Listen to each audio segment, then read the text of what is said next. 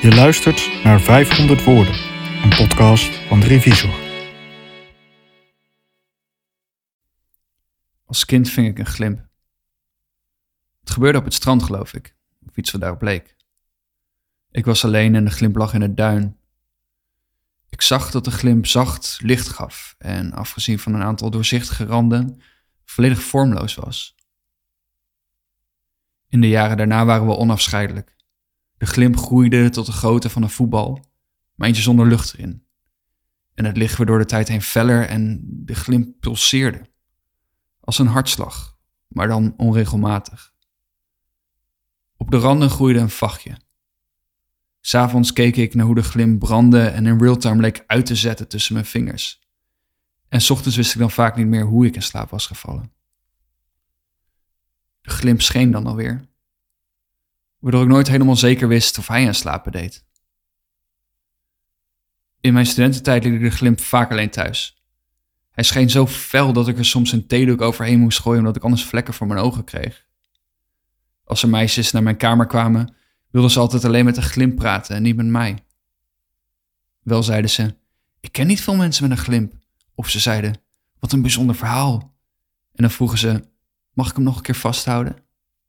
En dan werd het laat. Dan gingen ze naar huis. Daarna begon ik de glimp overal mee naartoe te nemen.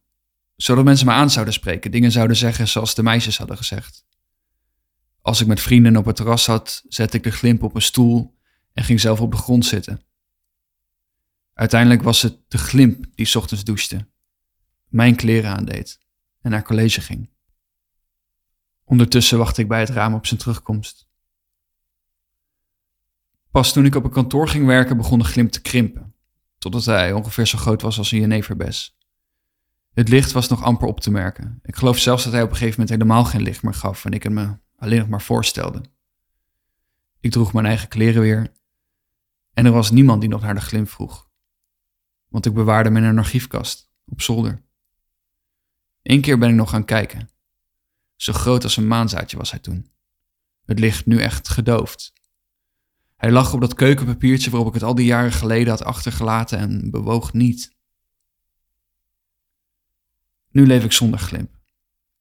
En als mensen met me willen praten, is dat niet langer vanwege de glimp, maar om een andere reden, die ik niet volledig kan begrijpen. Je luisterde naar 500 Woorden, een podcast van Revisor.